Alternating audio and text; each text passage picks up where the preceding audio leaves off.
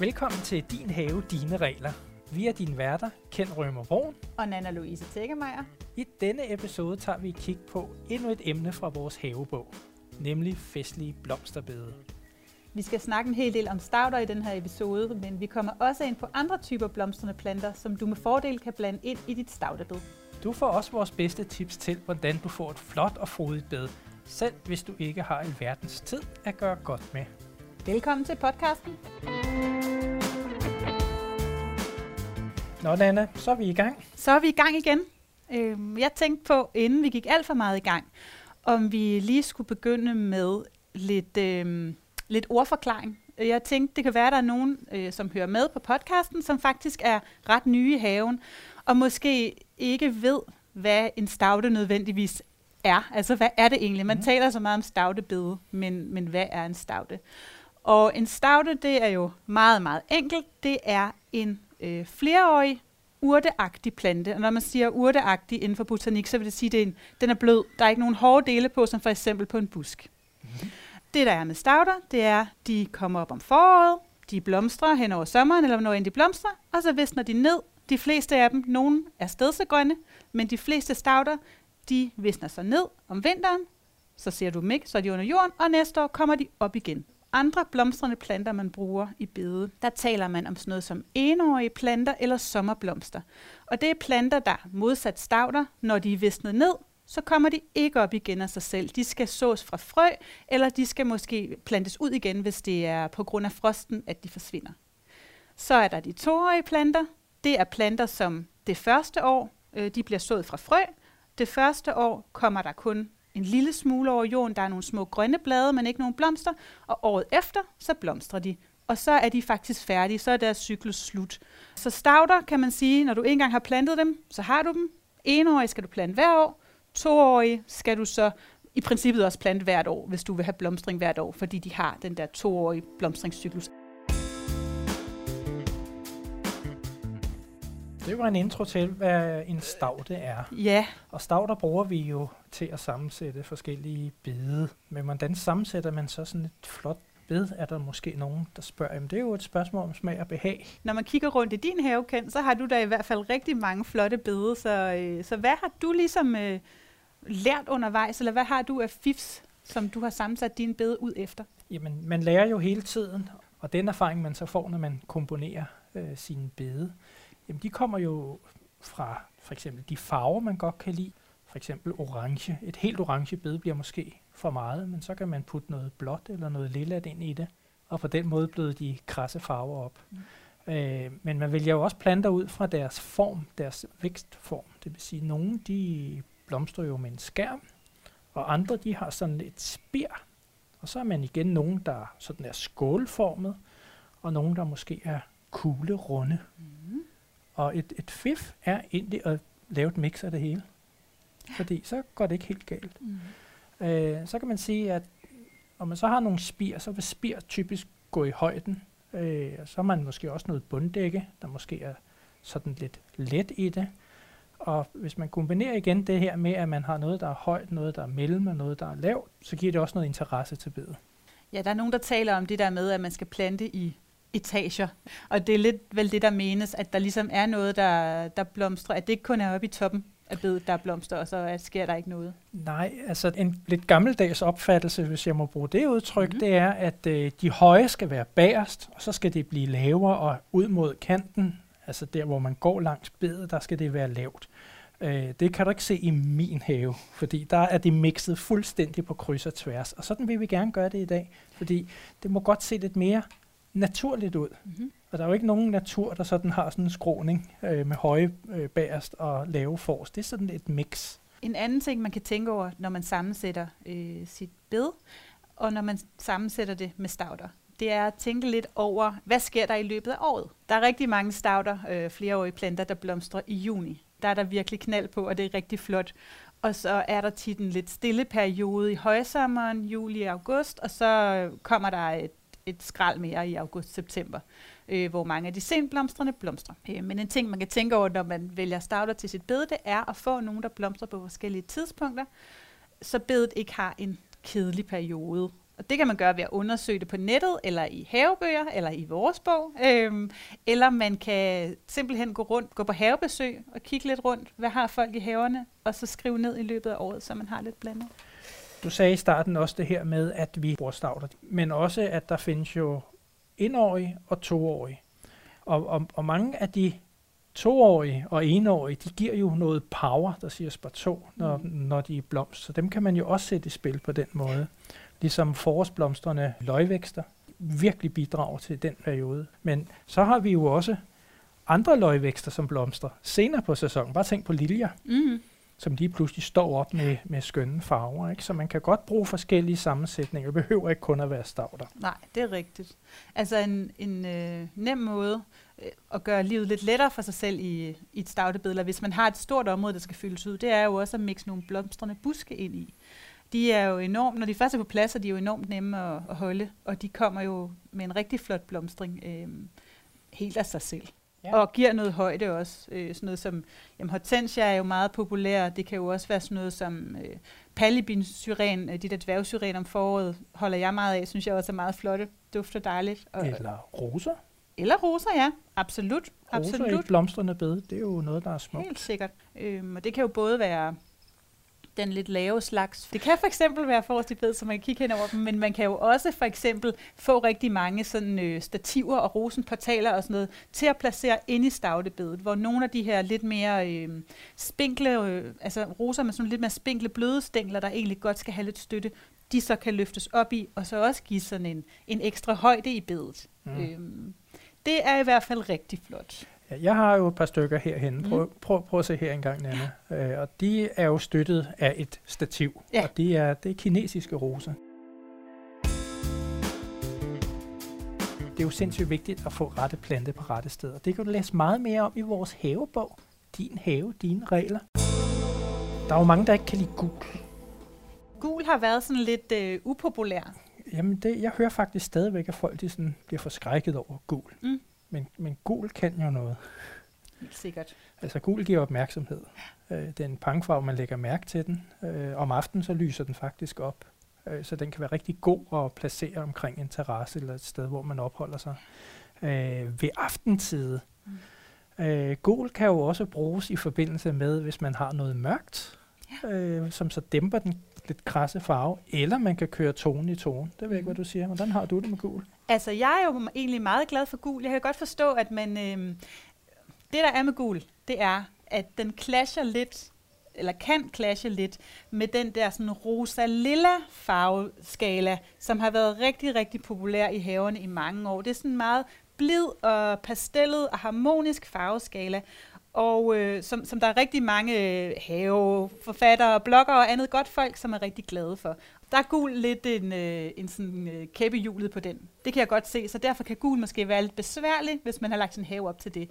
Men jeg er nu ret glad for gul. Jeg synes, der er mange skønne gule blomster. Og jeg mener også, jeg har hørt, at i forhold til biodiversitet, der er gule blomster, det er noget med, insekterne kan nemmere finde dem, eller sådan noget. Det er, øh, de ser jo farver på en anden måde end os. Og gul, det er noget, de de virkelig kan se. Hvis man tænker på, hvis man havde en gul trøje på og cyklede en tur, i hvert fald dengang inden, at øh, vi havde mistet alle vores insekter. Mens der var insekter. Ja, så, øh, så var den jo fyldt med tordendyr og alle mulige småtteri, når man, når man var færdig. Så gul er en, øh, en god farve at have i haven. Og som du siger, man kan altid køre den ind i en, øh, en lidt pastellet tone i tone med noget hvid og noget creme, hvis man synes, den er lidt, lidt voldsom. Ja, så blevet den op simpelthen med andre nuancer mm. af gul. Det er jo også en god idé. Mm. Man kan også køre tonen videre, så køre hen i noget orange og noget rødt, og så begynder vi lige pludselig at flamme lidt mere. Yeah. Sådan lidt bedre. Men det ser jo også lækkert ud. Altså, jeg er jo glad for de der flammefarver, det ved du. Der er, øh, det, det kan jeg meget godt lide, sådan dramatisk rødt og gult og orange bed. Det synes jeg er rigtig flot. Og Nana, du kan jo også se her, mens vi går rundt i haven, at øh, jeg bruger jo meget af det her dusede lilla, mm. øh, rosa, øh, blålige, men du ser jo også, der dukker gul op. Det er mm. måske ikke netto gul, men øh, sådan mere sådan lidt blade gule nuancer, og de passer jo så lige pludselig rigtig godt ind i. Ikke? Altså jeg har fået sådan et flip med, med lysegul. Jeg købte sådan nogle øh, meget bleggule stemmerblomster til mine krukker og altankasse her foråret, og de synes bare, de er så flotte. Altså det er virkelig en lækker farve, synes jeg. Så forhåbentlig er der flere, der også tager gul til sig i haverne. Ja, det må vi håbe, så insekterne de Ja. kan finde vej. Hvis man vil dykke ned i det og nørde i sådan noget med farvesammensætninger, så findes der jo hele bøger, der kun handler nærmest om det. Hvordan du komponerer farverne i dit stavtebede, tone i tone, farvecirkel, alle sådan nogle ting. Vi kommer også lidt ind på det i vores bog. Vi synes, at det er vigtigt også øh, at sige, at man skal jo ikke være en slave af et eller andet koncept. Der er jo ikke noget galt i, hvis du synes, øh, du har nogle røde tulipaner, du godt kan lide i haven, eller du har et eller andet, du godt kan lide, øhm, og det i princippet ikke passer ind i et eller andet koncept. Det er jo sådan set lige meget, hvis du bliver glad af at se på det. Så det skal jo heller ikke være sådan, at så bliver du desværre nødt til at, at, at fjerne nogle blomster fra din have, du egentlig holder af, for at passe ind i en eller anden form. Det synes vi i hvert fald ikke. Der synes vi, man skal lade sig styre af sin haveglæde. Lige præcis. Kent, du har jo øh, i år, og vist også alle tidligere år, øh, plantet en del stauder i din have, fordi du hele tiden rykker rundt i din bede og skaber nye bede. Jeg kan ikke lade være. Men øh, har du så et par gode fifs til plantning af stauder, som du vil dele med vores podcastlyttere her? Ja, dig, der lytter med, nu skal du spidse ørerne, fordi man skulle plante stavter i foråret. Det er den gængse viden, man altid har brugt. Mm. Men Har selv oplevet det i år og sidste år og forrige år, at foråret bliver bare mere og mere tørt. Og så dur det altså ikke, altså så bevares, man kan jo selvfølgelig sagtens plante i foråret, men man skal bare vande ekstremt meget, og vand er jo også en ressource, vi skal passe på. Så det her med, at det gode råd om at plante i foråret, den rykker vi lige en gang til efteråret. Ja. Hvor at øh, luften er mere fugtig, øh, jorden typisk også er mere fugtig, øh, det hele går på held. Men der er varme nok i jorden til, at rødderne stadigvæk kan nå at etablere sig. Så derfor er det et rigtig godt tidspunkt om efteråret. Og det er jo klart, at det selvfølgelig er om foråret, man er meget fristet af at købe nye planter, mere end man måske er om efteråret. Men der er det nok meget godt, så måske bare notere sig, hvad man gerne vil have, og så købe det til efteråret eller et eller andet. Og hvis du har noget, og du planter det, så som Ken også siger, sørg for at virkelig vande meget og mere, end du tror.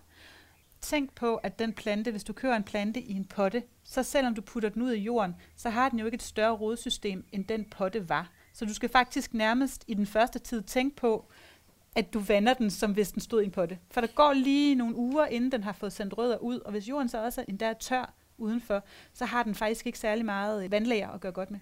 Og et andet godt råd er måske også, at øh, du tager, den, tager stavten ud, uanset om det er forår eller efterår, du planter den, og så prøver du at se, om du ikke kan fjerne det jord. Det meste af det jord, der faktisk er i potten, det er typisk sådan noget spagnum, øh, som de er dyrket i. Og hvis planten er lidt tør, så er spagnum rigtig tør. Altså.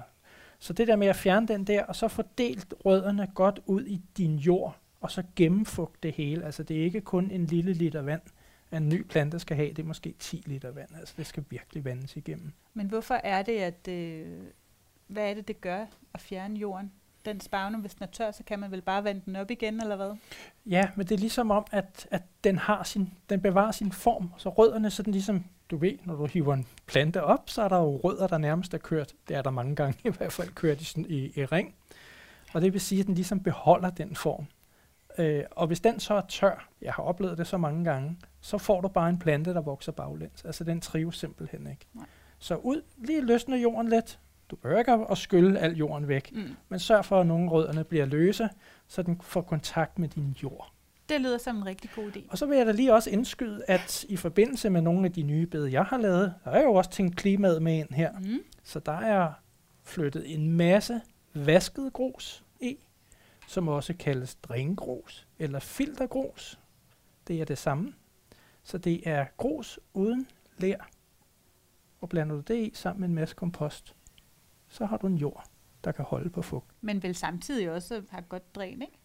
Med, med det der, den bliver jo ikke så smattet, hvis der er grus i, ikke? Eller hvad? Nej, altså den har to funktioner. Den holder på fugten, og den sørger for om vinteren især, hvor det er rigtig vigtigt, at vandet, der kommer om vinteren, drænes fra. Der kommer jo mere og mere vand. Kan I huske februar måned her i år? Puha, der var, var meget godt. vand. Øh, så hvis man får vandet væk fra rodhalsen, så øh, får man en plante, der trives. Simpelthen, altså i løbet af vinteren der, så det kan dræne væk. Så jo, det har to funktioner. Ken, når jeg kigger ud i øh, din have lige nu, så kan jeg se øh, indtil flere helt ny anlagte og nytilplantede bede. Kan du, øh, kan du give et par tips til, hvordan man ligesom, hvis man starter fra scratch med et helt tomt bed, hvordan man øh, kommer godt i gang? Ja, altså jeg tror, vi har været inde på det før, det der med, at man skal selvfølgelig vælge planter, der er til en selv, altså som man holder af, og et farvetema, som også passer til en. Ikke? Så, så den del ligesom på plads. Og så handler det om at, at, at vælge nogle fokusplanter ud. Nogle, der ligesom fylder mere end, end andre. Og det, jeg har valgt her, det er øh, den, der hedder farvebælg, eller Baptisia australis, som øh, er en lupinagtig plante, der blomstrer i juni måned, øh, og er utrolig smuk, og den bliver større, den bliver nærmest buskagtig. Så det er sådan en fokusplante for mig. Og den er fokus, fordi at den har flere funktioner. Den er smuk nu her i juni og juli, og så øh, hen over vinteren, så øh, beholder den de her frøstande, de her frøkapsler, den får. Så den er rigtig smuk. Den giver struktur om vinteren. Og det vil sige, at fokus er jo flere gange i løbet af sæsonen. Øh, og derudover så handler det jo om at så prøve at komponere. Så det sådan en øh, baptisia, den er sådan lidt spiragtig. Så skal jeg finde nogle skærm. Skal det være en nuance, der går igen i dem her? Øh, baptisia fås i forskellige farvenuancer. Her der er det så lilla, der er valgt så kunne en, en, en lyserød måske passe rigtig godt ind, og måske et par pletter og noget blå her og der. Så på den måde bygge bedet op. Og når du siger fokusplante, hvis nu man øh, ikke kender så meget til planter, hvad kan man så, altså er det de store planter, man skal gå efter først som fokusplanter, eller hvad, hvad gør en god fokusplante? Jamen, det kommer jo an på, hvem man er, og hvad man er til igen. Men altså for mig betyder det meget, at der også er noget om vinteren. Øh, plus at den også bidrager til insektlivet, fordi der er rigtig meget nektar i de her blomster. Så det er fokus for mig. Nu har vi talt lidt om at plante stauder, og at det kan være en god idé at plante stauder om efteråret. En anden ting, man med fordel også kan gøre om efteråret, det er at dele sine stauder. Øhm, og deling og formering af stauder, det kan du læse meget mere om i vores bog, Din have, dine regler. Når man så har anlagt det der bed, så skal det jo passes. Og en ting, som folk tit taler om og er i tvivl om, og en ting, man ser rigtig meget i løbet af sommeren, det er jo, at der bliver vandet og vandet i stavtebedet. Øh, og nu ser din bed jo utrolig frodig ud, kendt her. Hvor meget, øh, hvor meget vander du egentlig i løbet af en sæson? Ja, en type sæson, der øh, skal bedet jo vandes, øh, og det skal det, fordi man jo ikke altid dyrker de planter, som passer til forholdene. Mm. Øh, men når man nu har forelsket sig i nogen, som virkelig betyder meget for en, og de så kræver noget vand, så er man nødt til at vande. Et, et eksempel, det er jo øh, kattehale. Den, er, den kan sådan godt lide en fugtig jord, og hvis det er meget tør sommer, som vi jo også har haft her de sidste par år, øh, i hvert fald i vores område, jamen så skal der vandes, for ellers så trives den jo ikke. Det jeg så har gjort, det var jo opskriften på at lave en klimavenlig jord med at putte vasket grus i osv. osv. Men ellers så er der også en måde øh, at, at, at spare på både vanddråberne på det dyre vand, ved at lægge øh, vandingsslanger ud i sit bed. Det er jo mega smart, fordi planterne bliver vandet direkte, hvor de skal bruge vandet, altså inde i jorden, eller nede i jorden. Og du bruger en brøkdel af det vand, du ellers ville have brugt, hvis du bare stod med en vandspreder. Det lyder smart. Ligger de så nede i din jord, disse slanger, eller ligger de, de kan ovenpå? både ligge ovenpå og nede i jorden. Øh, ligger de ovenpå, og man har lidt tomme bede til at starte med, så er det ikke så kønt at se på. Men øh, så kan man jo grave dem ned. Det har jeg gjort. En anden ting, man jo også kan gøre for at spare lidt på vandingen, i hvert fald hvis man skal i gang med at anlægge et bed, det er at skele lidt til øh, de krav, som planterne har. For der er jo meget forskel på øh, staudernes behov for vanding.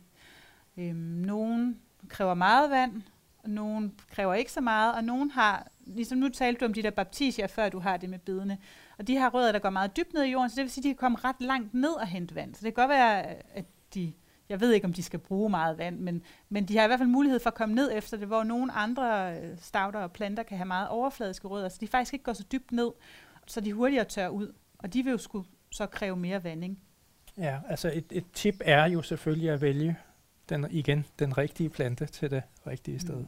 Ja. til det rette sted. Ikke? Jo, for man kan jo også være i en situation, hvor der faktisk er nogle steder, hvor det bliver for vådt i ens have. Netop fordi, som vi har talt tidligere om, på grund af vores øh, klimaforandringer, at vi har øh, et mere ekstremt skift i vejr. Så nogle gange har vi det meget tørt, og nogle gange kommer der en masse vand. Og det er altså ikke alle planter, der har det lige godt med den skiften Øhm, så hvis man, er, hvis man har en grund, eller har nogle bede eller noget, hvor, hvor det er de forhold, der er, så vil jeg da meget anbefale, at man prøver at finde nogle planter, der egner sig til det. Og det kan man få hjælp til i sin planteskole. Vi har også et øh, forslag til et klimavenligt bed i vores øh, bog, faktisk. Det har vi nemlig.